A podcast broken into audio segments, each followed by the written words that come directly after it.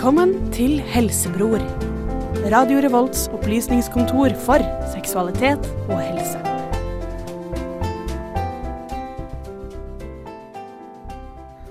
Ja, velkommen til Helsebror, magasinet for helse og seksualitet på Radio Revolt. Dette er Torstein Bakke som snakker. Jeg skal ha med meg både Gjermund og Mina og Preben i dagens sending. Og temaet for i dag er trening og mosjon. Så da skal vi snakke om det. Det blir sannsynligvis litt eh, kosthold og eh, litt anabole steroider. Og vi skal snakke om ikke minst eh, hvordan f.eks. alkohol kan påvirke treningen din. Følg med i dagens Helsebror, så skal du få lære masse om hvordan du kan trene både effektivt, riktig og kanskje noen tips til hvordan du kan trene skikkelig dårlig òg. Vi eh, høres etter låta The New Cupid av VJ The Chicago Kid featuring Kendrick Lamar. Du hører på Helsebror på Radio Revolt.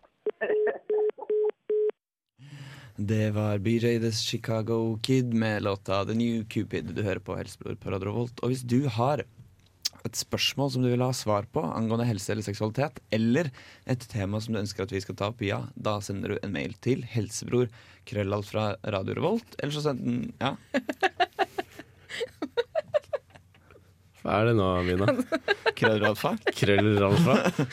Jeg er litt for trøtt i dag. Ja, tror jeg. ok. Eh, Det var dårlig humor. Helsebror krøllalfa Radio Revolt, eller eh, på SMS med kodeord RR og din melding til 2030. Eller så kan du bare finne oss på Facebook. Så Enda bare- enklere. Enda enklere. Best. Anbe- Ingen, ingen spørsmål er dumme. Ingen spørsmål er dumme Spørsmål. Men, er, men noen svar er dumme.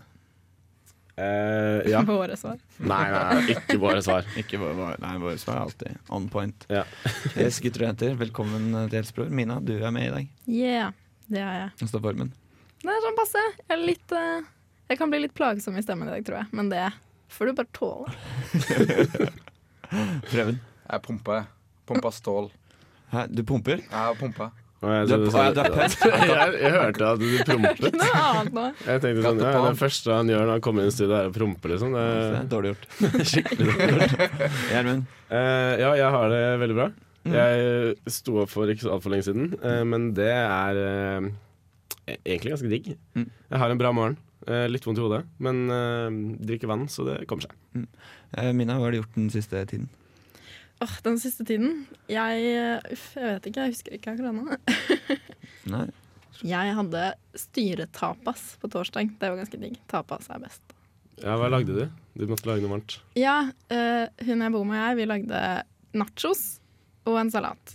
Mm. Og så hadde folk med litt forskjellig digg. Nachosen var poppis. Nice. Eh, Preben, hva har du gjort eh, siste tida? Jeg var jo ikke på sending sist lørdag, Nei. for jeg var jo i Oslo. Og jeg var spilte rullestolrugby. Ja. Jeg var på trening. Fins det? Ja, det finnes. Det er en liga i Trondheim og i Bergen og Oslo. Og øh, jeg var med på treningene, og jeg kan ikke love deg at de er harde, de gutta der. Altså, den sporten der. Det kalles for murderball i, i øh, USA. Og var veldig populært. Det var, jeg, var, jeg var helt ødelagt i magen og i skuldrene. Men du satt også i rullestol. Ja, ja, jeg begynte beina fast i en sånn spesiell uh, pansra rullestol, og så bare gutser du på med skuldrene og magen. og Det Hele overkroppen det min var høres helt veltrent. Altså. sjukt tungt ut. Ja, det var tungt i lengde, altså. Mm. Veldig, gøy, veldig, veldig gøy. Ja. Ja. det høres veldig gøy ut. Gjermund, hva med deg sjøl? Uh, jeg har uh, hatt en veldig rolig uke. Jeg har ikke gjort så forferdelig mye. Jeg har vært litt sånn småsjuk, så jeg har egentlig bare ligget hjemme. Hatt uh, en, ja, en rolig, avslappet uke. Og prøvd å få gjøre unna litt skole, men realiteten er vel det at jeg gjorde av skolen i går. Ja. Eh, men ja, digg uke. Så herlig. Du da, Torstein? Jo, nei, nå skal du høre. Jeg eh, har vært litt på skolen og sånn, da. Drevet med det som jeg driver med der. Gjort mye, vært mye på skolens verksted og jobba. Lagd meg et eh, stuebord. Som jeg dessverre glemte å på en måte hva skal jeg si, impregnere, eller noe sånt, så nå har det fått en liten vannskade. Jeg sølte litt vann på over natt, i natt. Det var, veldig, det var veldig dumt. Ellers så var jeg ute i går. Føler litt på det. Jeg har en venn på besøk fra hjembygda mi, Drammen. Begge, da. Be- og det er veldig hyggelig. Ellers så var vi jo eh, alle sammen, i hvert fall vi fire, var jo på befaring på Ja. torsdag. Mm. På, Lærerik befaring. ja, på Erotikk 1 i Dronningens gate. Veldig, veldig spennende butikk. Det var superkult. Jeg følte meg veldig utdanna da jeg gikk ut av denne butikken. Jeg følte, det, det, I dag har jeg lært noe. Ja, jeg ble bare mm, helt målløs, er det det man sier, eh, av hvor mye og hvor mye forskjellig det er. Det er Og, for, og hvor mye rart folk kjøper. Ja. Det er sånne ting som du tenker det her kan jo umulig gå noe av. Men Eller så gjør. Eh, ja, Det var jo buttplugger på størrelse med hundevalper. Ja, det var helt, helt drøyt, faktisk. Men det er sjukt kul sjappe. Ja, veldig, veldig kult. Um, det, var, det var noe for enhver smak. Mm. Veldig kompetente folk som jobber bare Og jeg følte at jeg kunne, jeg følte at jeg kunne komme dit og si akkurat hva som på en måte var min greie, og så hadde de produktet for meg. Mm. Ikke bare det. Hvis det er at du kan komme inn og så føle at du blir ikke dømt selv om du har en spesiell fetisj eller et eller annet. Hvis du spør om noe. Det er veldig spennende. Jeg um, ble, Det var en inspirerende butikk å være i. Um, vi skal så nok snakke mer om hva som skjer i liksom, leketøy- og sex-accessories-verden. Det kommer.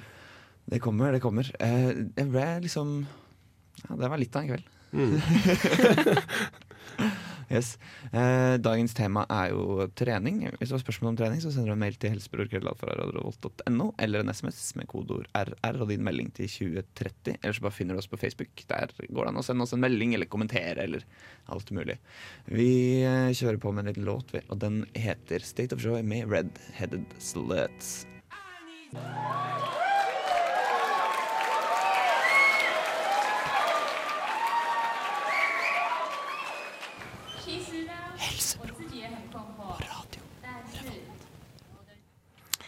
Se det, da er vi tilbake igjen. Vi hørte jo på, på State of Joy av Red Headed Sluts.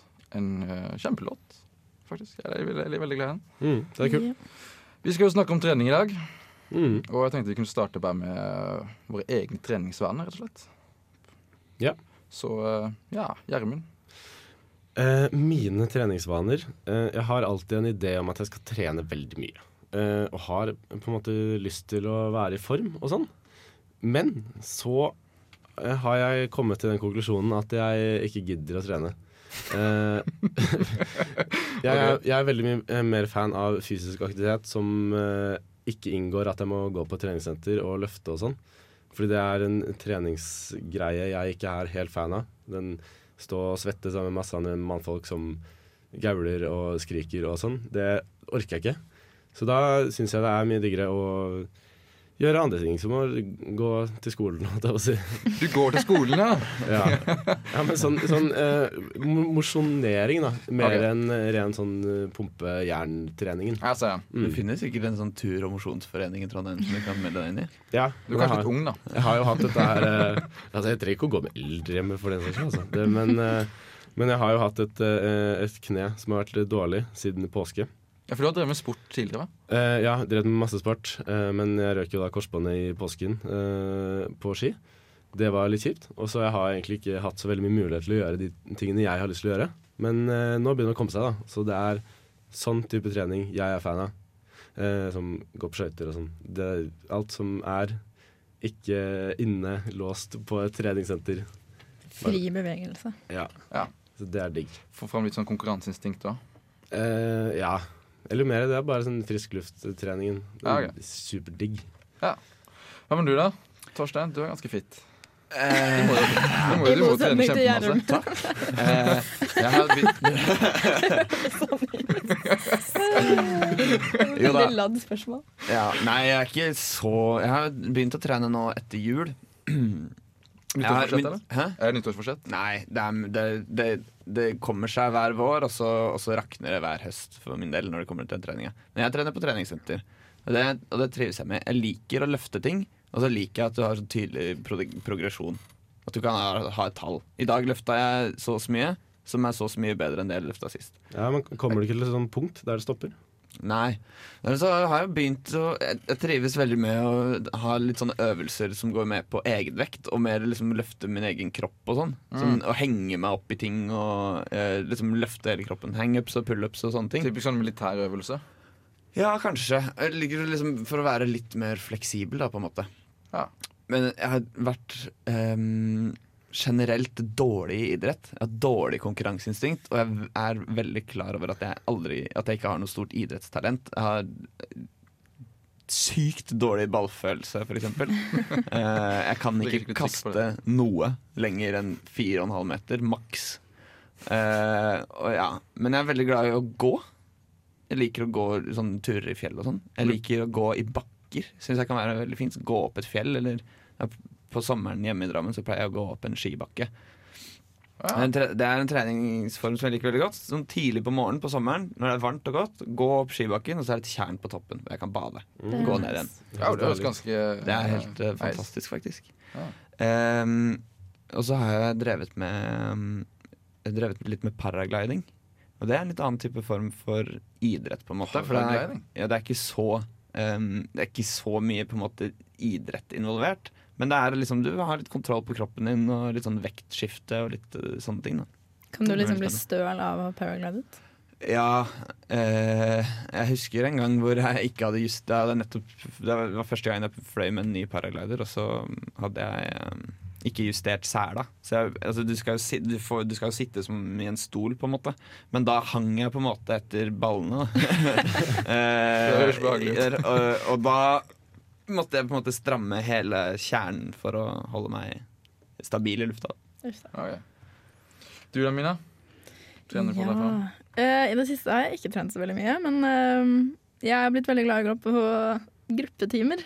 Det er min uh, greie, for da føler jeg liksom Jeg føler at jeg kan ingenting.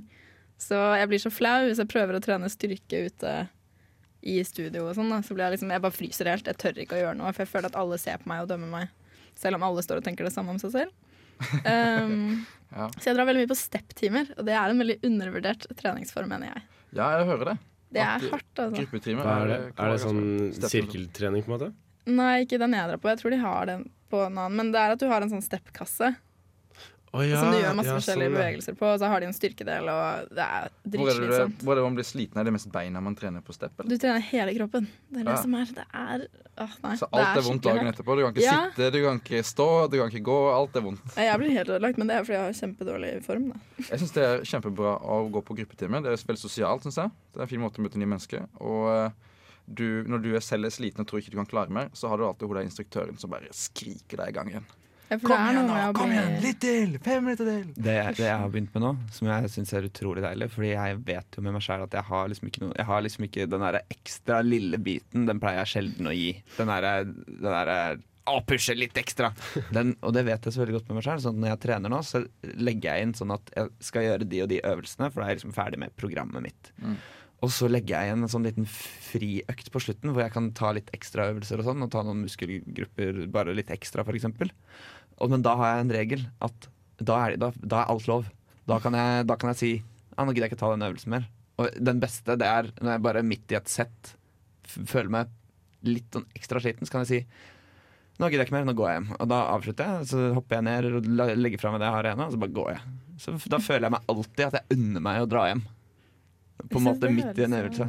Jeg, er liksom, jeg liker den der at som Hvis jeg har vært på en time hvor jeg ikke har blitt så svett hvis jeg hadde vært på pilates, for eksempel, da, Mm. så vil jeg gjerne gå og jogge skikkelig hardt etterpå for å bli dritsliten, Fordi da føles det så godt å dra hjem. Så jeg føler jeg er litt på motsatt side av det spekteret. Ja, jeg er også litt enig. i den. Man må være sliten for å ha en bra treningsøkt. Man kan ikke bare komme der og så gjøre sånn mediocre trening. Det går hjem. Altså, Nå er det nok for i dag. Jeg, litt, jeg har litt vondt i fingeren.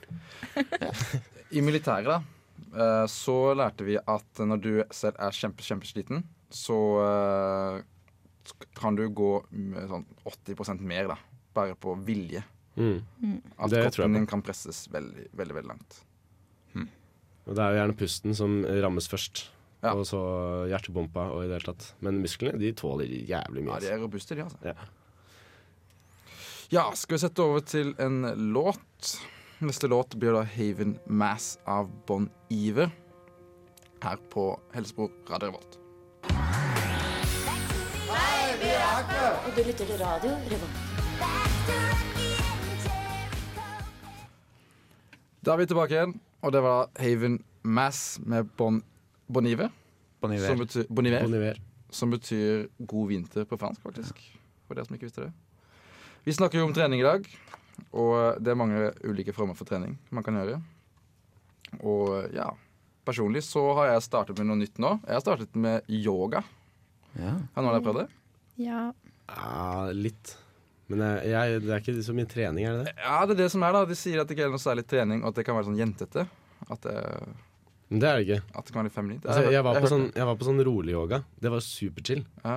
Eh, men det er jo bare sånn strekking og tøying og sånn. Det blir på en måte ikke, det er ikke trening. Men Nei. eh, det er ganske Jeg tror det er veldig sånn statisk trening. Det er veldig slitsomt i lengden for musklene dine å holde positurer da, når det blir litt komplisert. Ja. Det er jo, De sier jo damer sånn 'Å, hun har skikkelig yogaarmer'. Det er jo fordi Jeg kan i hvert fall avkrefte at det er myten om at det ikke er trening, for det er det.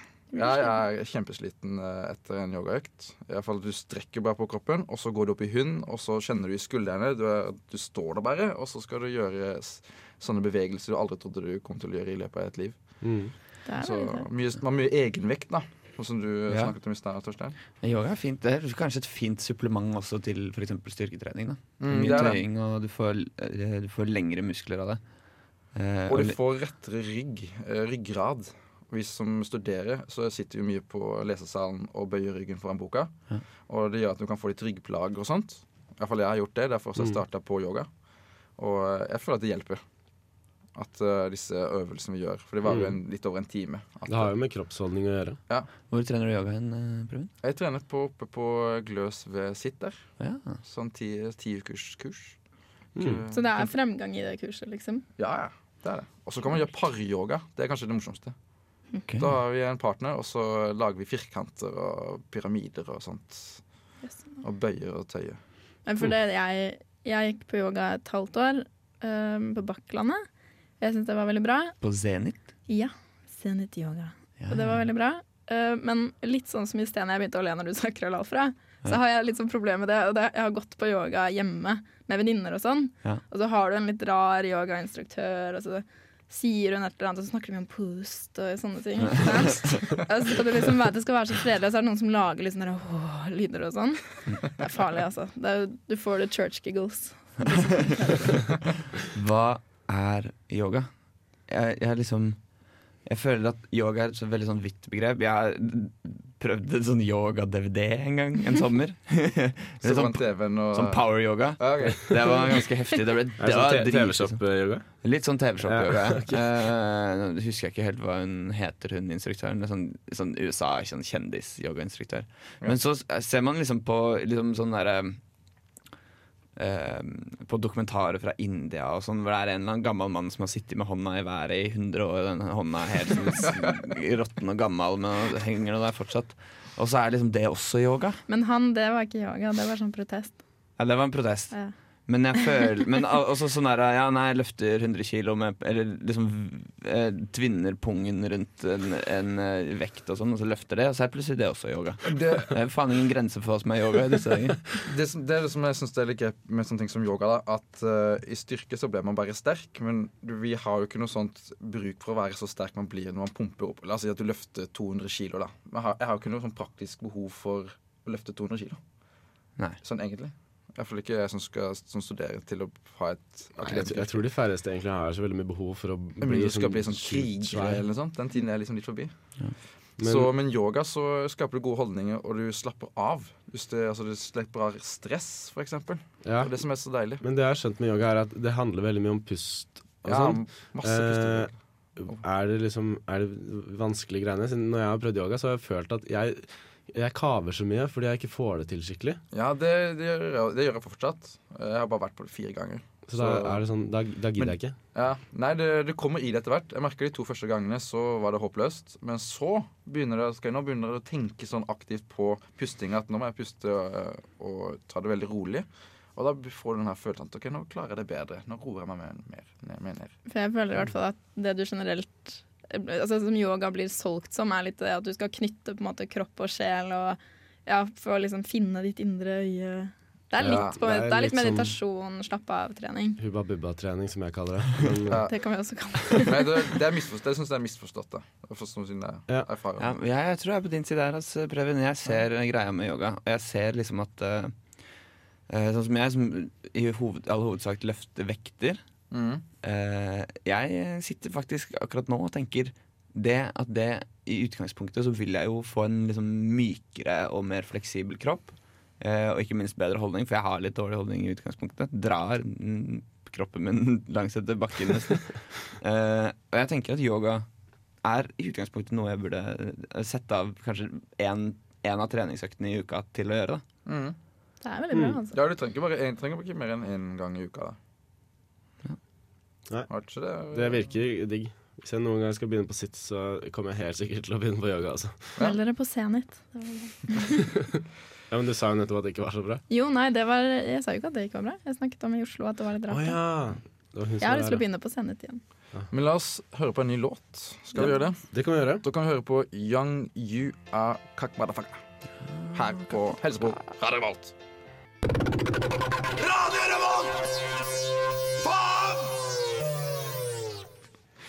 Ja, det var Young You Are Motherfucker. Ja. Og eh, ja, Torstein, du hadde litt statistikker om eh, treningsvane. Har Ja. du det? Eh, litt mer sånn utvikling eh, Jeg skal ikke kjede dere med altfor mye tall.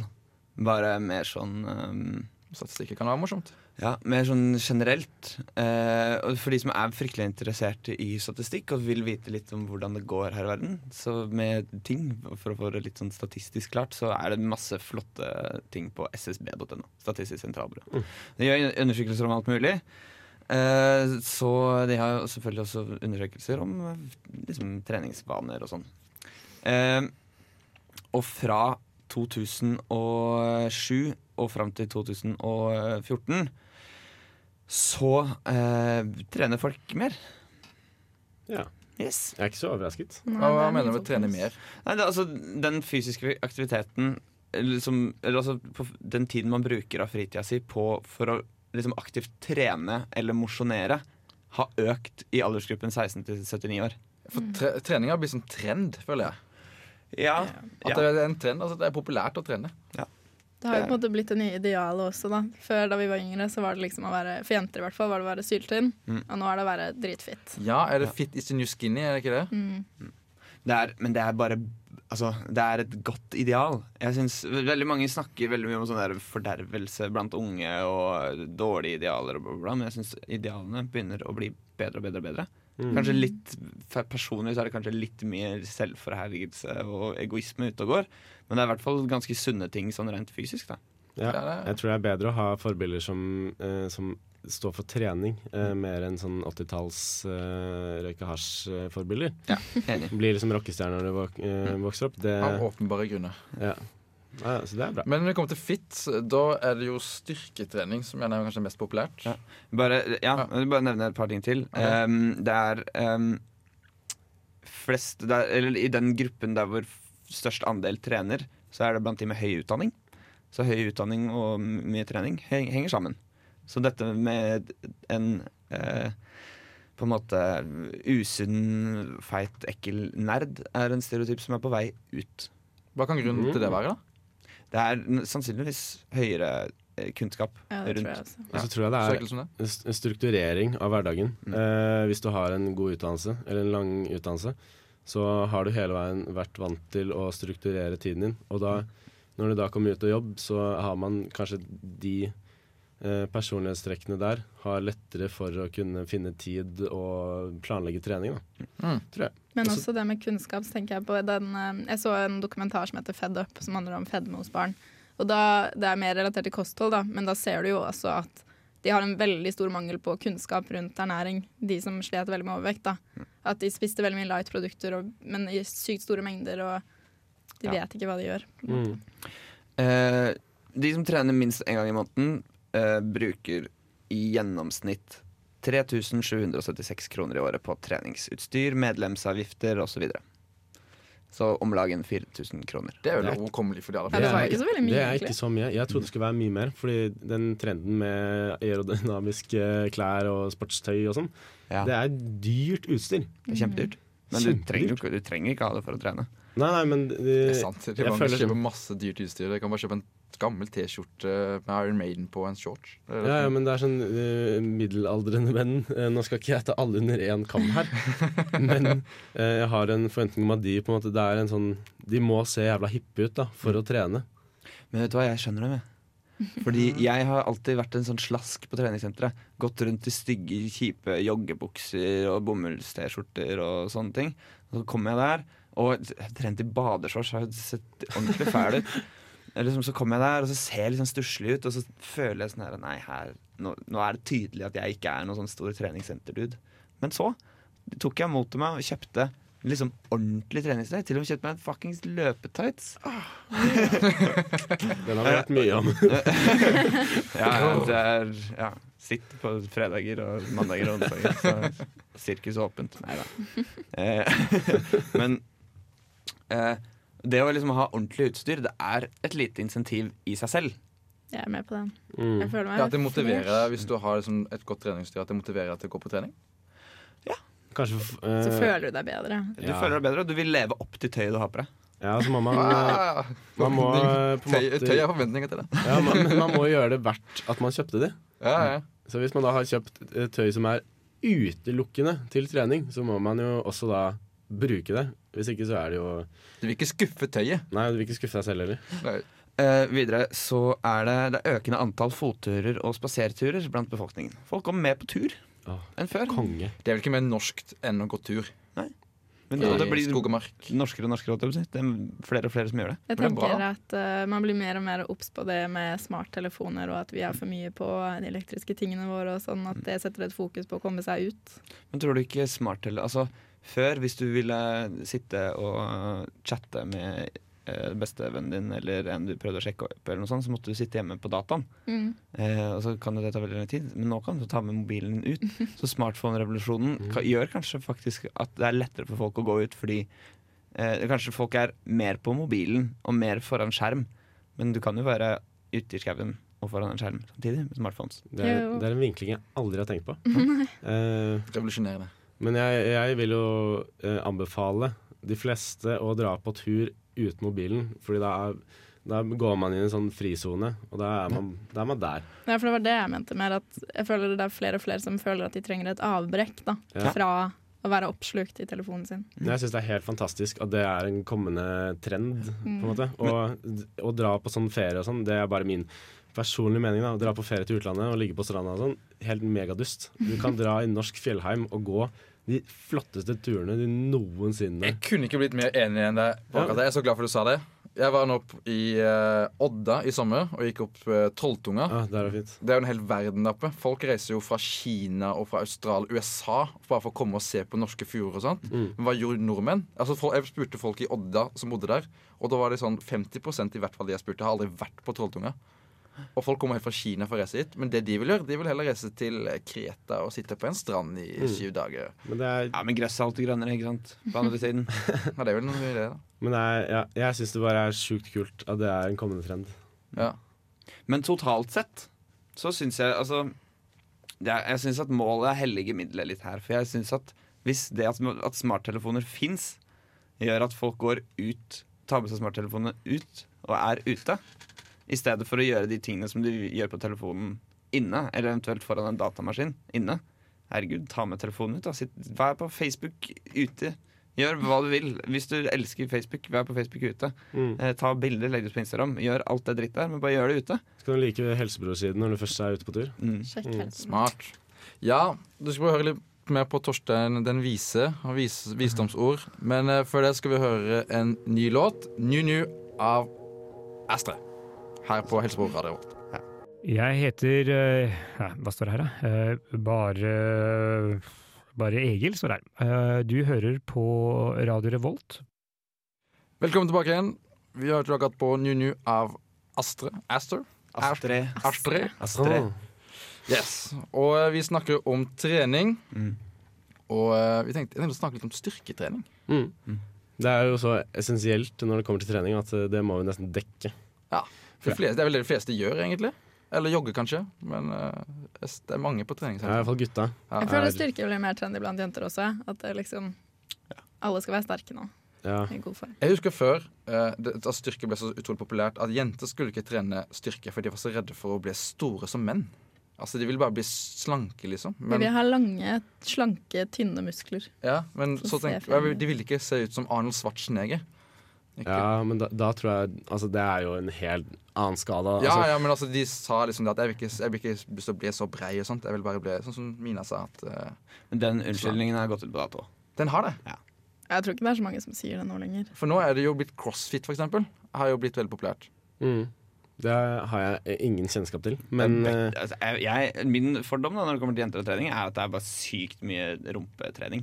På en måte sånn butt-shaping. Squats. Squats. Squats. Squats hele veien. Ja, Instagram er jo full av de. Ja. altså, jeg, jeg klager jo ikke på Instagram-bildene. Jeg skulle si dere følger veldig brukerne på Insta, så da Men, eh, men jeg syns det, er sånn, det er litt teit da når det er hysteri bare å trene rumpe eh, blant jentene. Men for all del. Det er jo bra å trene det, da. Men det er jo som at folk Hvorfor sier at menn bare trener armer nå, så er det leg day. Men menn som har sånn syltynne Ja. legger. Det er veldig morsomt å se på de som faktisk har sånn sjuk overkropp, og så har de sånn de tynneste stankelbeina noensinne. ja, det er morsomt. Altså. Men Det Mina syns, fantastisk. Mina, syns du at menn burde trene mer rumpe? Er det ikke sexy med menn Det med har jeg rumpe? ikke tenkt så mye på, men en god sprettrumpe er veldig uh, satt pris på. Det, men uh, det kan jo være medfødt. Du trenger ikke å trene det, kanskje. Hør det, folkens. Tren mer rumpe, gutta. Ja, jeg leste en artikkel for eh, en stund tilbake, og der var det uh, din helse, eller sånn totalhelse, den avgjøres om hvor bra rumpe du har. Det er, liksom, det, er det man kan Nei, se. hva er høna og hva er egget? Ja, men, eh, man kan på en måte se på en rumpe og så si Og skjønne om personen er godt trent eller har en, en bra holdning og sånn. Shit. Så det er tydeligvis mye av hemmeligheten ligger i rumpa. Høres føler, dette høres ut som en app.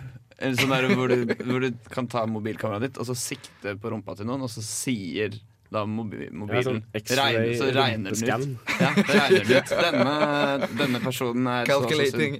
Ja. Men ja, uh, litt tilbake der vi begynte. Ja. Jeg har alltid en, jeg har alltid hatt en drøm om å bare trene én side av kroppen. Altså enten høyre eller venstre. For å se om det er mulig. Altså gå sånn, sånn, sånn krøpling, holdt jeg på å si. Ja, Som men jeg blir ikke noe pimp. høyere altså, Jeg vil jo ikke bli Altså jeg blir jo ikke noe høyere på én side av kroppen bare fordi den er bedre trent enn den andre. det finnes jo sånne bilder får- på, på internett, der du ser en, en har en sånn gigantisk høyrearm og en liten venstrearm. Tenker Han onanerer kjempemasse. Nei, det er hånd, håndbakfolk, vet du. Håndbakfolk, De Ja, ja. har jo sånn sjuk høyrearm, og så har de ikke Det finnes en mesterskap, det er verdensmesterskap i håndbak. Ja, ja. Det er drøy sport. Vet du hva? Trekker armer og. Håndbak. Men Det, jeg. Jeg bryr meg ikke om det. Det er fantastisk tullete, testosteronfylt møkkasport. Det er dårlig sport, ass. Ja. Men eh, tilbake til styrketrening. da Ja. Du trener styrketrening, du. Uh, Har du gjort det? Hvis du Eh, spiller bandy, for eksempel? Ja, da har jeg trent veldig mye styrke som ikke går på treningssenterstyrke. Det er ikke sånn eh, kneløft og sånn. Det har vi aldri drevet med, fordi vi er redd for å skade ryggen og sånn. Ja. Eh, i alle fall, jeg er veldig redd for skader i ryggen. Det er veldig utbredt også for feil teknikk og slikt. Ja, eh, Og den teknikken har jeg aldri giddet å lære meg, Fordi da må jeg jobbe med det, og det orker jeg ikke. Så da, den treningen den, og greit. Ja, men sånn er det. Men den styrketreningen vi eh, gjorde på når vi trente bandy, var en sånn barmarkstrening som var veldig mye hoppe, sånn tribunehopping og sånn. Froskehopp opp bakker, og det var Det er den tyngste jævla treningen du får noensinne. Mm. Og vi hadde i tillegg en trener som pisket oss i stykker. Uh, men det er en trening jeg har levd på siden den gang, siden nå trener jeg jo ikke noe aktivt. Eh, men sånn type trening er en sjukt bra trening, faktisk. Bare sånn Hopping. Ja, det, ja, det, ja, det blir sånn traktor, løfte traktorhjul, liksom. Det er sånn uh, gårdstrening, er det ikke Ja, det ja. det heter? Ja. Et eller annet sånt. Bare sånn uh, skikkelig NTNUI gårdstrening. ja. Men jeg føler at det her er litt inne på. Er ikke det litt inne på hva crossfit egentlig går ut på, da? Jo, det er nok mye det samme, men det er uh, bare et eller annet Eh, I tillegg er jo den treningen når vi er ute og trener her Det blir veldig mye bandyprat fra min del. Men uh, ja. Uh, det er det lidenskap når du prater om det. Ja, ja, men det er min store lidenskap her i livet. Men vi, da er det sånn eh, veldig kaldt, som regel. Det er sånn eh, Tæla har akkurat begynt å legge seg, og da sitter vi og hopper opp og alt mulig sånn. Blir så jævlig svette, Mm. så jævlig slitne. Men det er sykt bra trening, og det er mye diggere enn å drive og løfte og sånne ting. Ja, Mm. den går for godt forstå. Det kan jeg tro. Du da, Mina? Nei, jeg, altså det er det jeg sa, da, at jeg får liksom helt jeg, jeg kan ikke teknikken på ting, og da får jeg litt sånn angst over å gjøre det i offentlighet blant folk. Jeg, jeg skulle trene sånn eh, benk... Nei, nå vet jeg ikke hva det heter engang. Benkpress? Nei, for det var markløft, men det var sånn med dude der oppe. Knebøy heter det kanskje bare. Ah, så Da kan du se da hvor mye jeg kan. Um, og da var det sånn, Hun gjorde meg klar, hun sa liksom ja, så gjør du sånn, og så bare sto jeg der og bare jeg, jeg kan fysisk ikke bevege meg, liksom. hvem gjorde deg klar?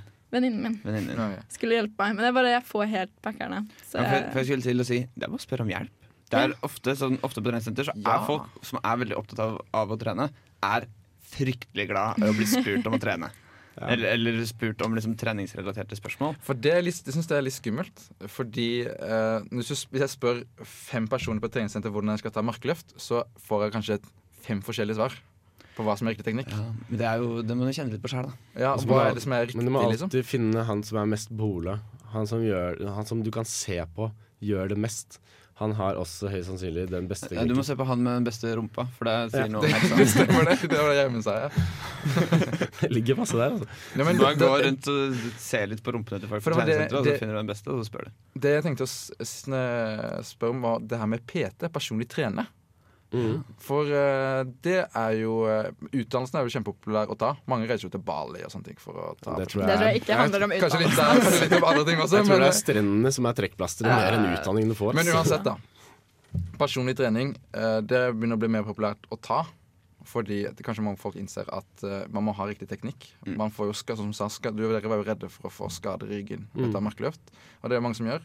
Men med personlig trener så kan jo han veilede deg profesjonelt. Det er lurt. Ja, Det er det. lurt. Det er, det er, veldig, sånn, det er veldig lett å gå på treningssenter og si Nei, jeg løfter sånn, herregud, hvor vanskelig kan vanskelig kan det være, liksom? Men uh, det tar ganske lang tid Hvis du skal gjøre det på egen hånd, så tar det ganske lang tid for å finne ut For det første hvilke teknikker og hvilke øvelser som er effektive. Ja. For jeg tror det er veldig mye krefter som blir lagt ned ved et treningssenter på øvelser som i utgangspunktet ikke gir deg noe stort utbytte. Da. Mm. Uh, ja.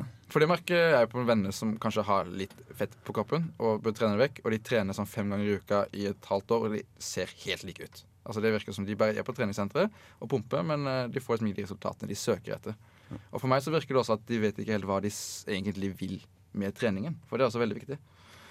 Så eh, ja. Men uh, vi kan høre på en ny låt. Kan vi ikke det? Jo. det uh, la oss høre på 'Worries' av Mats Wawa. Her på Helsebro Radio Revolt. Eh, husk å sende inn spørsmål og sånn til helsebror krøll ralfa Ralfa. radiorevolt.no.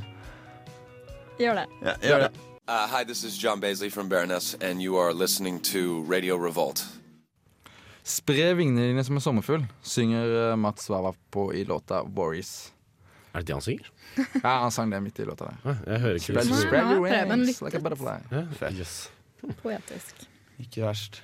Skal vi fortsette å prate litt om trening, eller? Uh, ja, det er jo temaet for sendingen, så det- det blir jo naturlig nok at vi gjør det. Blir for det. Ja. Mm. ja, da gjør vi det, da. OK. Så mye hadde vi også en trening. Ja, Vi har snakka om styrketrening. Ja. Det er den anbefalte formen for trening. For ofte hvis du bare skal liksom begynne å trene. Men for, eh, når dere snakket om personlig trener og sånn, Mm. det føler jeg at hvis jeg, jeg skulle veldig gjerne hatt råd til en personlig trener. Det hadde vært litt også fordi det er en person som kan pushe deg ikke sant? og si ja, skjerp deg, liksom. Kom igjen. og ja, Og det jeg, får du litt på gruppetreninger òg. ja, jeg tror en PT er veldig smart fordi eh, de lager opp et sånn treningsskjema, eh, litt sånn kostholdmessig også. ja. Og er på en måte en, en sånn veileder til bedre trening. Og jeg tror hvis man ikke er så keen på å trene, eller ikke har noen preferanse på trening, så tror jeg det kan være en veldig god motivasjon å faktisk ha en PT. Mm. Og Det det, er har, det. det har jeg tenkt på flere ganger, men det er dyrt, som Mina sier. Men det er jo en investering. Altså det er en investering på helse, egen helse og ikke minst tid. At du får den tiden du, til, du bruker på treningssenteret verdt.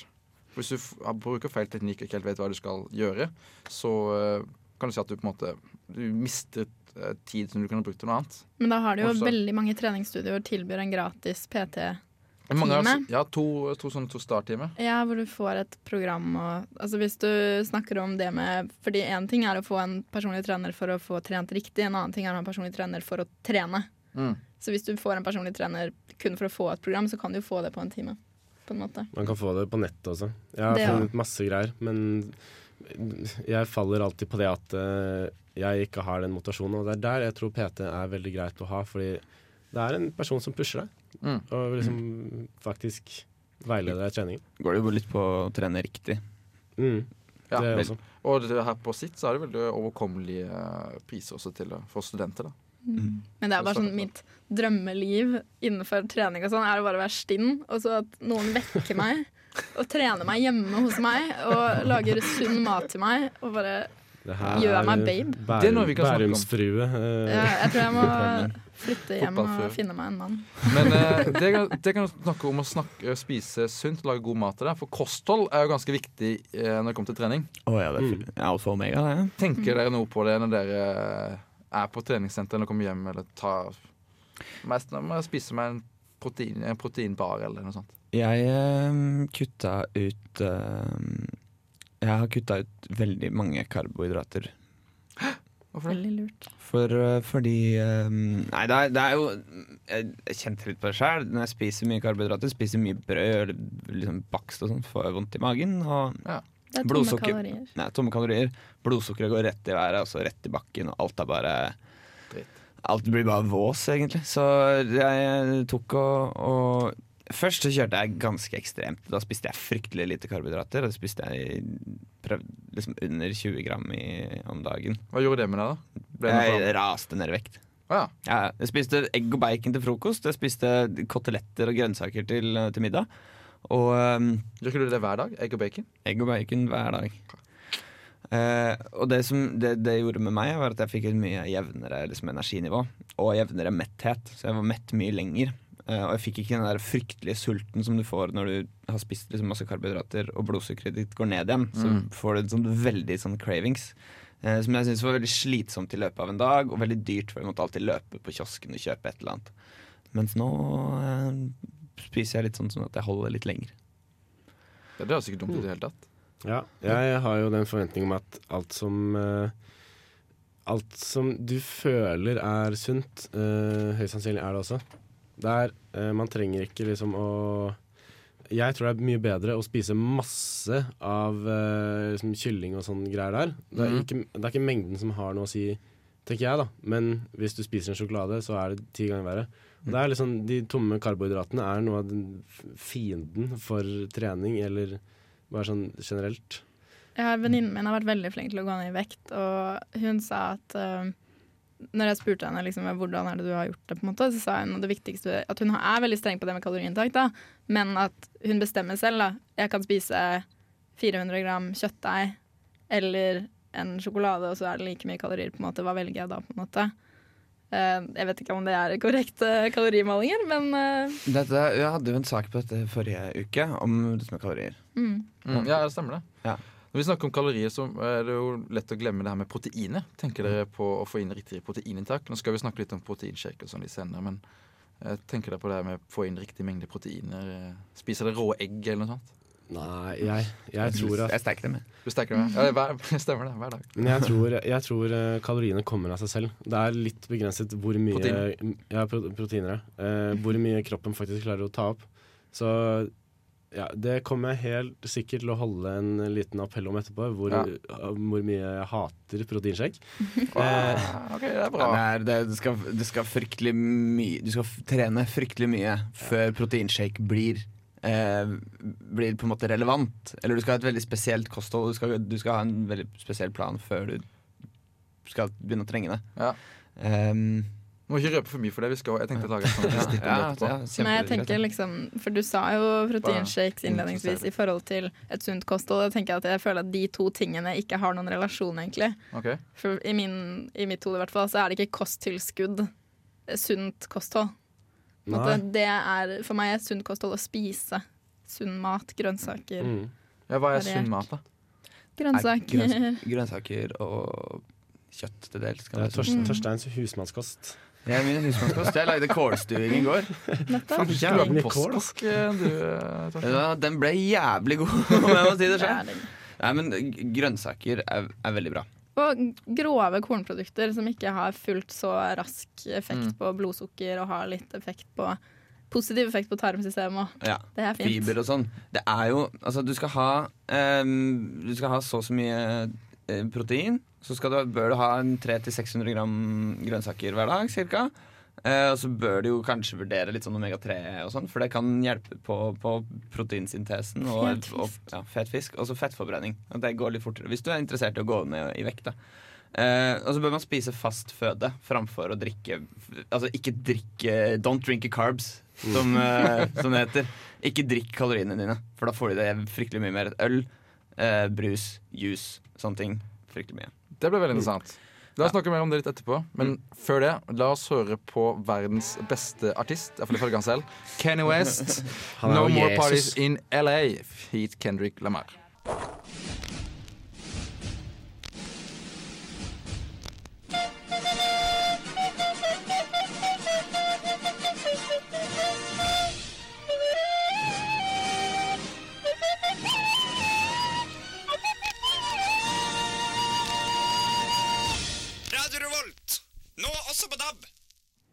Ja, som du hørte på denne nydelige jinglen her, så hører du på Radio Revolt på Helsebror. Og på DAB. Og på DAB, ikke minst, da. Eh, nå hørte vi No More Parties in LA med Kanye West, som er Prebens favorittperson, forsto jeg. Motherfucking gay fish. Du skjønner referansen der. Er det South Park? Kjenner Ja, det er South Park. Yes! Ja, det måtte nesten være South Park. Jeg kjenner ikke referansen. Ja, okay. Eh, før vi fortsetter, så kan vi kanskje minne folk på at de kan sende inn spørsmål. Mm. Og det kan de sende inn på Facebook. Eller de kan sende på mail. Hvilken mail er det? Helsebror, krøllalfa, radiorevolt.no. Og på SMS. Det er ganske nummeret. Det er fint. Kodeord RR og din melding til 2030. Nice. Gjør det, da, så vi kan svare på alt du undrer på. Mm. Eh, vi snakker om trening. Ja, det også. Gjerne mer. Um, vi snakker om trening, og for min del da, så er det en ting som kommer veldig ofte i veien for min trening, og det er at jeg er på fell- fylla. Go gammeldags fylla. Eh, som gjør at jeg ikke får trent den dagen, og ikke får trent dagen etterpå. Og Jeg vet ikke om det er noe jeg er alene om. Nei. Nei, Men det å ikke trene dagen etter fylla, se det gjør du rett i. Så bra. Ja, Det skal man egentlig ikke gjøre. Eh, altså, alle, altså, du har jo gjerne dårligere reaksjonsevne. Du er gjerne litt svakere og litt sånn redusert etter kvelden før. Eh, du har litt dårligere koordinasjon. Generelt dårligere dømmekraft, både når du er full og i tiden etterpå. Så du, det du gjør, er at du øker jo risikoen for å skade deg Mm. med ganske mye. Og ja. Så tenker jeg også, jeg kjenner veldig på dagen etterpå har jeg veldig høy puls. Det er sikkert ikke så behagelig hvis du trener hardt heller. Nei. Eh, det som er, er at du får eh, Det er litt sånn det, det, Du skal helst ikke trene før eller etter at du drikker. Eh, hvis du drikker etter en treningsøkt, så, så vil kroppen din fokusere mest på å bli kvitt alkohol, og mindre på å bygge muskler og eh, kvitte seg med fettstoffer. Så du vil rett og slett på en måte Mye av den det utbyttet du får, på en måte går med i eh, Altså vinninga går opp i spinninga, som det så fint heter. At du drikker, du drikker vekk eh, gainsa dine. For å bruke kidsas språk. Eh, I tillegg så blir du dehydrert når du drikker. Og du eh, Ja, vann er kjempeviktig for å bygge muskler, blant annet. Mm. Eh, så det er veldig farlig. Eh, og veldig dumt. Og i tillegg så er det jo eh, Altså, for det første, etter at du har drukket, så er jo den fysiske prestasjonsevnen din redusert i kanskje i opp til 60 timer. Kan være. 60 timer. 60. Oh. Det forklarer blåmandag. Ja. Tenk at dette gjør vi mot hverandre. Holdt jeg si, si. Nei, ikke mot hverandre, gjør det selv. Jeg mener Um, mot oss selv. Du, det du sliter med, er dårlig dehydrering, dårlig balanse og koordinasjon. Reaksjons- og konsentrasjonsevnen blir svekka, du får høyere hvilepuls, med det du nevnte. Og det er i det hele tatt dårlig eh, utgangspunkt for å trene. Um, du kan også sove dårligere, og du får redusert energilager, økt nivå av melkesyre, og um, ja, du har rett og slett et mye dårligere utgangspunkt, og så vil kroppen din prioritere å bryte ned alkohol og sånn. Men når du sier at uh, man ikke skal trene før man drikker, Mm. hvor lenge før er det det innebærer? Si, altså, si, ikke tren. Ikke gå rett fra treningsøkt, gå og ta deg en dusj, og så stikk på fylla. For ellers så lukter det jo. Men For jeg, synes, jeg snakket med en venninne faktisk om det i går, eller noe, at det er litt deilig å trene. Sånn på lørdager, for eksempel. Da. Gå og trene, spise en litt sunn middag, og så gå og ødelegge deg selv med alkohol. Og så føles det så mye bedre. Ja. Eh, I tillegg så, så er det sånn at eh, eh, du får mindre testosteron av å drikke alkohol. Det trenger ikke jeg å tenke på. Eh, jo, det gjør det. det, er, det er jo det hormonet som fortrinnsvis bygger muskler. Så det er, vil gi mye dårligere effekt dersom du drikker. Um, ja. I tillegg så får du jo er det jo andre mer sånn mentale grunner til å ikke ville gå på trening. Som også har, avhengig, som også har med sånn hormonnivåer og sånn å gjøre. Men du kan føle liksom mindre energi, dårlig motivasjon og fylleangst. Mm. Og angst er en veldig fysisk opplevelse. Det kjenner du i hele kroppen når du har det. Fylleangst er en uh, smertelig, reell ting. Men akkurat det tenker jeg at kan være litt godt å trene bort. Da.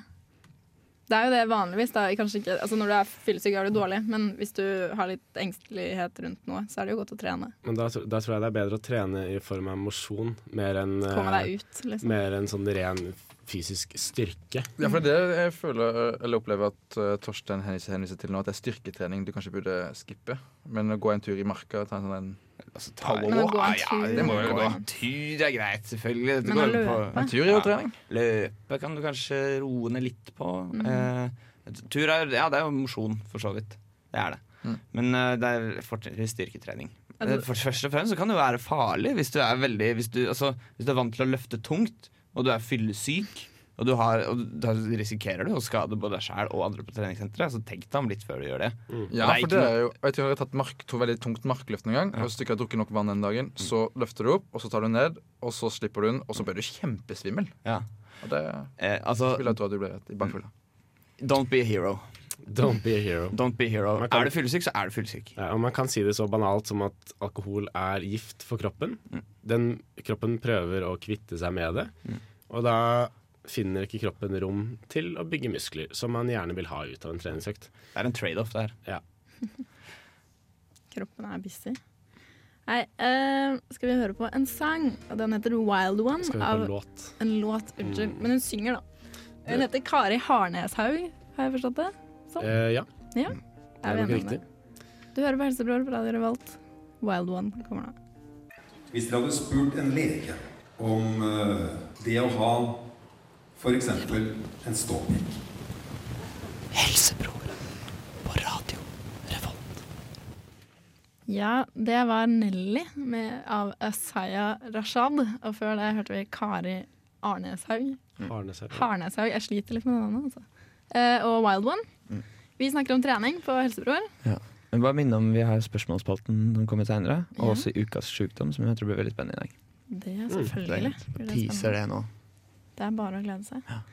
Um, I forhold til eh, kosthold og trening, så er det jo veldig mange som faller i forskjellige feller, kan man si. Og uh, blir litt uh, revet med da, og får litt problemer med spising, blant annet. Som man kan si anoreksi. Og noen menn får også det motsatte, som jeg nå ikke husker hva heter, hvor de bygger veldig mye. Bulke. Ja, Bulk. Bulkoreksi. Bulkoreksi. Nanoreksi er noe annet. Jeg Ja. husker ikke. Men så har man også ortoreksi, og det har du sett litt på, Torstein? har du ikke det? Jo, sett på, sett på. Det er jo Det er Det er jo på en måte og Kommer ofte som et slags delfenomen både innenfor anoreksi og bulimi. Det er jo da å være sykelig opptatt av hva man får i seg. Telle kalorier og sånn. Ehm, og det er en veldig slitsom spiseforstyrrelse. Når det kommer, når det kommer til at det liksom er manisk, så går det vi over i spiseforstyrrelsesverden, og da er det Det er ikke bra. Det er en veldig slitsom sykdom å ha. Mange som sliter med det. Mm. kjennetegnes av det å ha fryktelig, fryktelig god kontroll på hva man spiser. Prøve å liksom detaljstyre eh, kalori- og næringsinntaket sitt. Eh, og for de som hørte på Helsebror sist gang, så var det en uh, sak om kalorier som jeg hadde laget. Der, hvor kom, jeg blant annet nevner at det med kalorier er såpass vanskelig. Hele kalorienheten har et par sånn grunnleggende feil. Uh, Og en del, kanskje en del andre parametere man bør se på. Hvis du er fryktelig opptatt av hva du får i deg, så kan det være bra. Men hvis du føler at det hindrer deg fra ting, eller at du, at du legger altfor mye ned i det, så er det ikke bra. Det er ortoreksi. Så er det det som heter drinkorexia, som er en annen greie. Eh, det er når man bare drikker hvitvin. Det funker. Det syns jeg er et godt kostholdsråd. Hvitvinsdietten. Hæ, hva er det for noe? Hvitvinsdietten det er å bare drikke hvitvin for å ta vekk en del uh, sultfølelse. Og så er det mindre kalorier enn øl og sånn. Så Jeg mener at du spiser ikke, bare drikker hvitvin.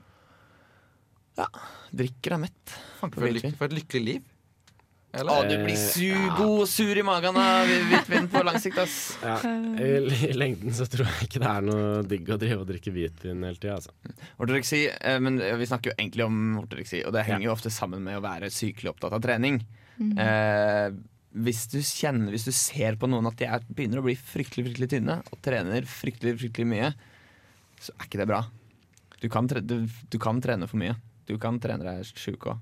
Så det kan jo se ganske fælt ut, rett og slett. Ja, kjenner- er ofte folk som da driver ofte fryktelig mye med kardiotrening og, og, og liksom brenne fett. Mm. Og det her kan være en ganske skummel, eh, skummel greie. jeg, da har jeg et annet bilde på ortoreksi. Jeg tenker sånn at Det at de er så sykelig opptatt av å spise riktig og trene riktig, at du skal ha den her perfekte kroppen, den perfeksjonismen som ute og går. Perfekte kroppen. At for eksempel eh, hvis jeg inviterer en til en tacokveld, da, la oss si det, Mm. og så kan ikke han eller hun spise tacoen, for det er ikke en del av hennes sunne matvane. Mm. At da går ut og går det utover det sosiale, rett og slett. Ja, og da begynner det jo Da begynner å bli lukte litt- på Da blir det jo mer på psyken det går på, eh, og det er jo ikke bra. Du Vi sier jo definisjonen på en psykisk lidelse, et krav, da, er jo at det går utover normal funksjon i hverdagen. Også kjent som taco. Ja. En av de mest normale funksjonene vi har. Det er, det er en veldig viktig hverdagslig en. Eh, før vi går videre og snakker, så skal vi høre på This December av Ine Hoem. Og etter det så er det Ukens sykdom. Er det det? Ser slik ut, da. Mm, Ja, det kan komme, det. Skal vi kose oss? Du hører på Helsebror på Radio Revolt. Du hører på Helsebror med Torstein, Gjermund, Mina, Kristina og Preben. Swag. Du hører på Radio Revolt med ny norsk musikk. Fuck. Du hørte Ine Hoem med This December, og etter det så hørte du Gjermund sin fantastiske Swagalicious uh, jingle. Um, du hører på Helsebror. Hvis du har noen spørsmål, så kan du sende det inn på vår Facebook-side Helsebror. Eller du kan sende det på mail til Helsebror krøllalfa radioholt.no. og på SMS. Kodeord RR pluss din melding til 2030. Takk, Veldig fint samarbeid her. Det er kjempebra. Vi driver og snakker om trening. Mm. Snakket litt om å spise riktig og sånn, og da er det mange som prøver å spise riktig ved å adde Jeg velger å kalle det masse dritt, men det er kanskje feil å si. Jeg kaller det også masse dritt, så det er helt uh, greit å kalle det. Fint. Ja, for mange tar jo proteinshake og proteinbar etter trening. Mm. Og eh, jeg så på Dagens Næringsliv eh, her nå, og eh, der mente de at det var bortkasta penger. Er det noen som mener? At det har ikke noen sånn effekt. Nei.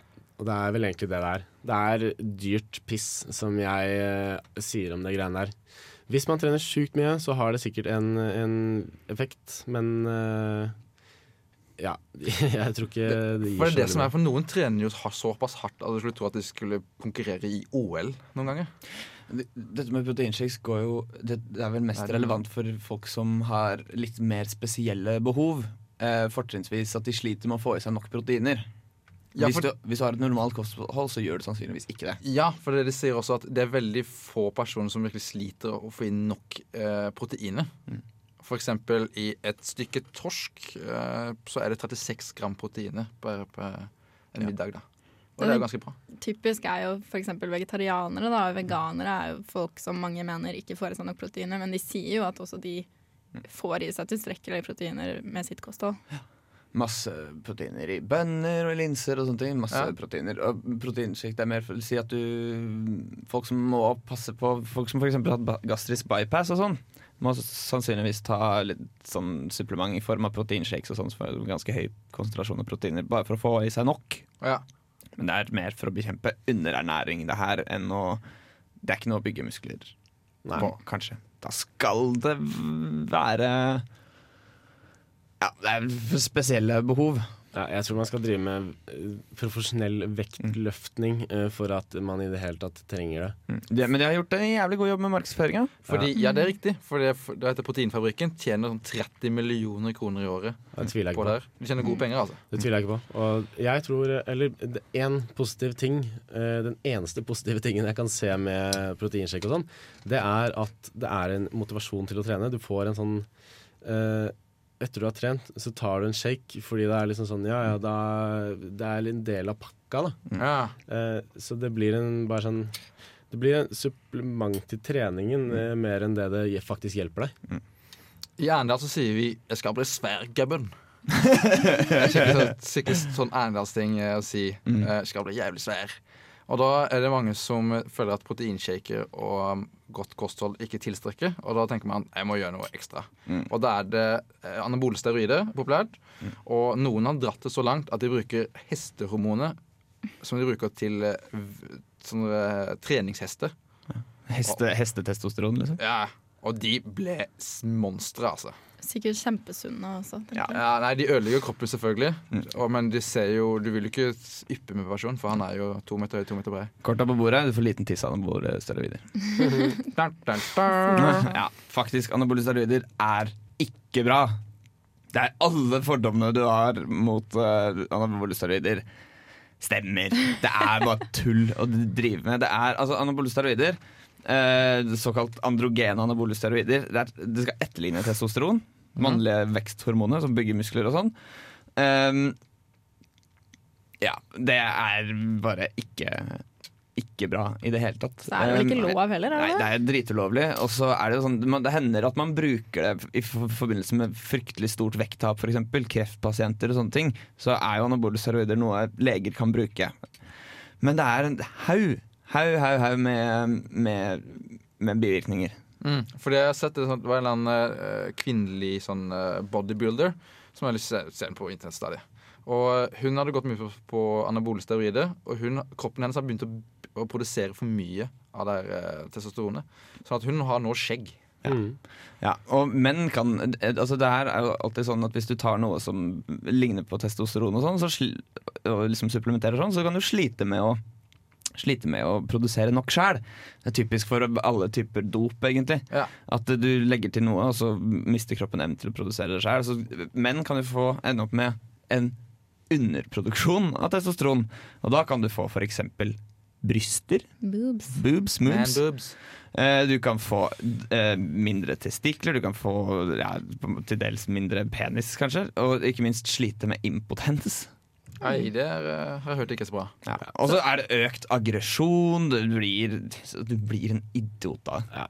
Så oppsummert, ikke ta anabole steroider. Nei, og hvis du, hvis du, hvis du mistenker Eller altså hvis du tror at du har lyst til å ta anabole steroider fordi du har lyst til å bygge muskler, gjør deg selv en tjeneste. Les om det. Ja. Les om anabole steroider, for det er ikke verdt det. Og så drar du heller på treningsstudio og spiser sunt. Jeg tror vi, eh, vi konkluderer med ikke gjør dop. Eh, og, Just say no. eh, og proteinshake og sånn. For all del, hvis det hjelper deg med motivasjon til å trene, ta så mye shake du bare ønsker. Men Det som er fint med proteiner, er at hvis du får i deg for mange, så tisser du det bare ut. Ja. Der kan Helt du se. ok. Nå skal vi høre en sang, eller what? Ser du, jeg Ja, lærte det. Nå husker jeg det. Nice. Vi hører 'Tryllefløyten' av Fjorden Baby. Tror du egentlig liker å si sånn Fjorden, baby! Ja, jeg vet at du sier det sånn. Ja. Det, jeg tror, det er, de tror jeg liker det best sånn selv. Det Ja. tror jeg Fjorden Baby har sagt. Ja, men da får du si det. Fjorden Baby, tryllefløyten. Da hører vi tryllefløyten. Eh, hvor langt inn i øret kan jeg putte en q-tip? Hvorfor lukter stedet min sopp? Eh, Flatlus, hvordan ser de ut egentlig? For eh, lukter mye lysere bedre enn andre ting. Eh, hvorfor er den ene foten min lenger enn den andre? Helsebrors spørrespalte. Yes, du hører på Helsebror, som vi sa. Eh, det var eh, før Nå vet jeg ikke hva jeg skulle si, men det var Vi hørte nettopp Tryllefløyten av Fjorden Baby. Har jeg skjønt at jeg må si det sånn? Ja. Var det bedre? Sånn, ja, bedre. Kommer det. Ja. Takk, jeg prøver. Eh, vi har spørrespalte, og det er Preben som sitter på spørsmålene her i dag. Ja, for jeg hadde jo egentlig tenkt å lage en litt sånn uh, lydting uh, med intervjuet fra sitt. Spurte litt folk der om noen spørsmål. Men, på sitt, altså. Ja, treningssenteret på sitt, ja. Og eh, ja, jeg tulla med den mikrofonen, så det gikk ikke så bra. Så jeg beklager for dere som jeg sa at dere skulle være på lufta. Det skjer dessverre ikke. uh, ja, men jeg kan større spille spørsmålet til dere istedenfor. Ja, tenkte jeg da. Og her har vi et følgende spørsmål. Trener du for å få bedre dag på damene eller menn? Nei.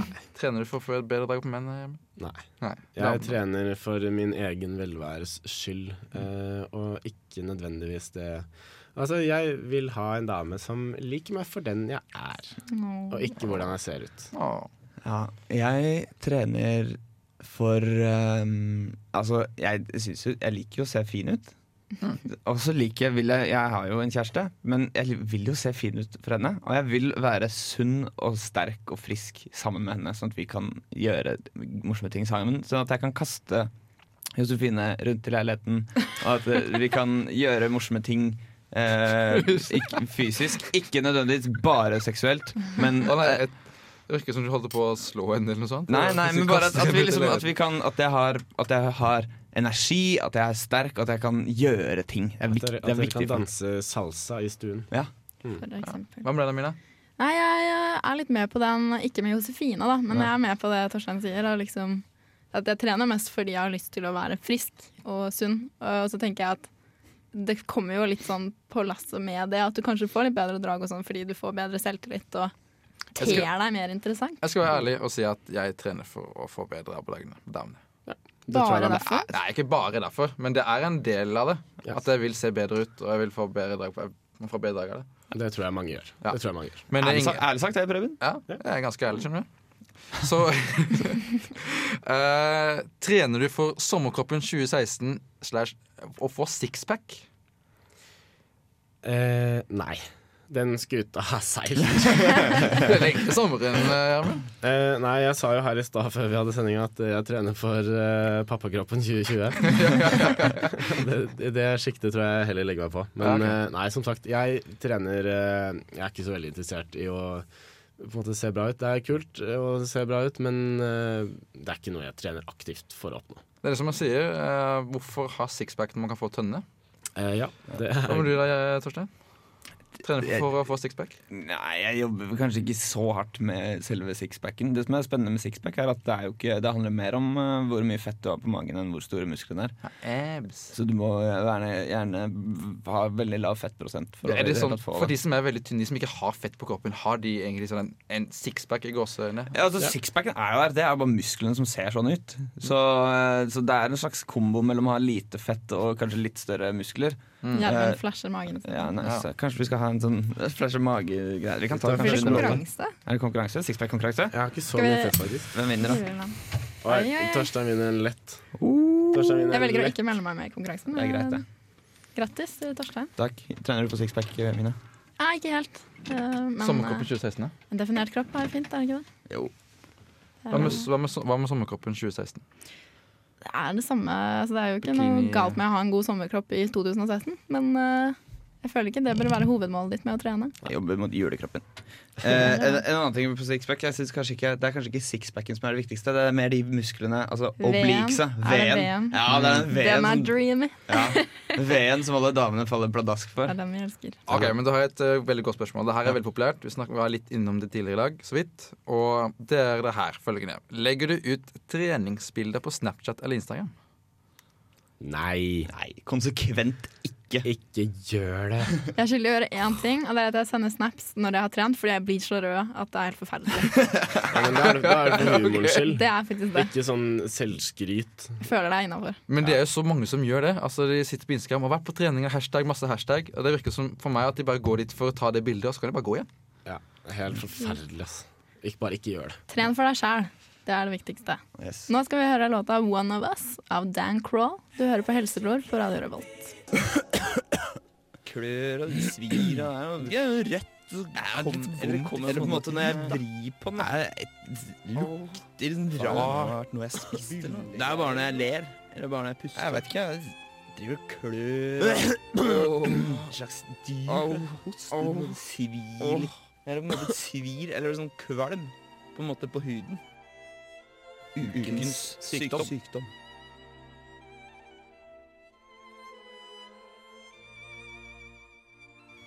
Det var eh, One of Us av Dan Crawl. Du hører på Helsebror på Radio Revolt. Nå har vi kommet til eh, programmets siste del, og det er Ukens sykdom. Og da har jeg valgt meg ut en eh, snasende en. Ja. Relatert til det vi snakker om. For jeg syns jeg har sett det veldig mye på nyhetene. Jeg vet ikke om det er bare meg, men det er noe som heter rabdomyolyse. Som egentlig rett og slett betyr at du får akutt ødeleggelse og celledød i tverrstripet muskulatur. Det er da f.eks. lårmusklene dine, altså muskler du bruker, da. Ok. Eh, Rabdomyolyse. Rabdomyolyse. Og celledød det høres fryktelig dramatisk ut. Ja, det er, altså Celledød i seg selv skjer jo ganske lett så fort du får lite oksygen til cellene dine. Så sånn sett er ikke det så uvanlig, men det kan eh, Rabdomyolyse kan eh, komme i bagatellmessige varianter, og det kan komme i veldig farlige varianter ut ifra hvor ille du rammes, da. Hmm. Og det- Hvordan får man det? Det er gjerne overtrening, og det er derfor det har vært mye i media i det siste. I hvert fall i fjor tror jeg det var forskjellige folk som hadde blitt lagt inn på legevakten. Ja. Eller på Er det, er det blant unge, eller er det alle Det er begge deler. Ja.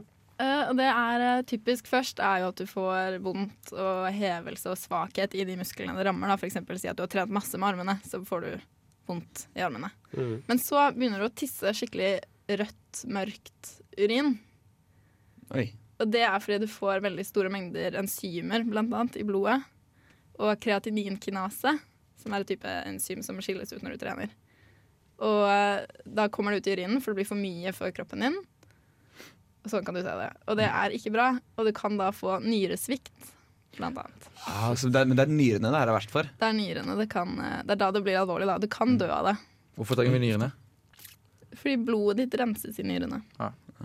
Så når da blodet fylles med salter og enzymer og ting som ikke skal være der, og blir for mye for nyrene, så skades nyrene. Og da kan du slutte å produsere urin etter hvert. Det er veldig farlig. Hvor går, hva skjer da? Da hoper det seg opp da, med avfallsstoffer i kroppen din. Og det er veldig giftig for cellene dine. Ei, ei, ei. Så er det sånn cellene dør, altså? Er det det som på- forårsaker at Nei, du altså, får celledød? nei, du får celledød av at du trener. Du vet Når du trener, så får du eh, melkesyre. Mm. Det er fordi det får for, høyt oksygen, nei, for lite oksygen til ja. musklene. Og da dør cellene. Og så etter hvert som du da får alle avfallsstoffene fra det, så kan enda mer død forårsakes av følgene av den første celledøden. da. Ai, ai, ai. Okay. Død følger død. Så tren med måte eh, må man kanskje gjøre. Ja, gjør Men det. hva, hva Men gjør hvordan oppnår man overtrening? Trene for mye. Det er for, Ja, Det ja, er, ja, det er bare men- å trene veldig, veldig Trene for mye, sikkert lite kost Eller få for lite mat samtidig. Uh, ja. Men hva gjør man. Men uh, hva gjør man hvis man først har fått det? Nei, altså Hvis du får disse symptomene, da, så vil du jo gå til legen. Og hvis du da har blitt veldig dårlig og begynner å få nyresvikt, vil du legges inn på sykehuset, og du kan få intensiv intravenøs væskebehandling. Hvor du da kan få opptil skal vi se hvor mye det var, 10-12 liter væske per dag. Oi. Intravenøst. Det For du får det eh, Det blir veldig stor utskillelse av væske når du får mye salter i blodet ditt. Så blir det uh, Ja, Men uh, gutter og jenter, vi er det er, ferdig. ja, det er dags. Søren. Mm. Det gikk fort der. Mm. Uh, hør på Helsebror neste lørdag, da, for faen. Uh, da, uh, hvis du har lyst Hvis du har noen spørsmål som du har lyst til at vi skal snakke om, eller en tema som du vil at vi skal ta opp da, så sender du det til helsebror, krøllalfa.radiovolt.no. Ellers kan du sende oss en melding på Facebook. Ja. Eller på SMS. Kodeord RR til 2030. Mer Det skjer mye fint på Face, altså. Så Mm. man det er det. Mm. Eh, Sjekk også ut podkastene våre fra tidligere sendinger og sånn. Det er veldig bra. Og så høres vi jo igjen neste lørdag, da. Det Yeah. gjør vi. Right. Takk, Takk for i dag. for bra. Ha det bra. Ha det!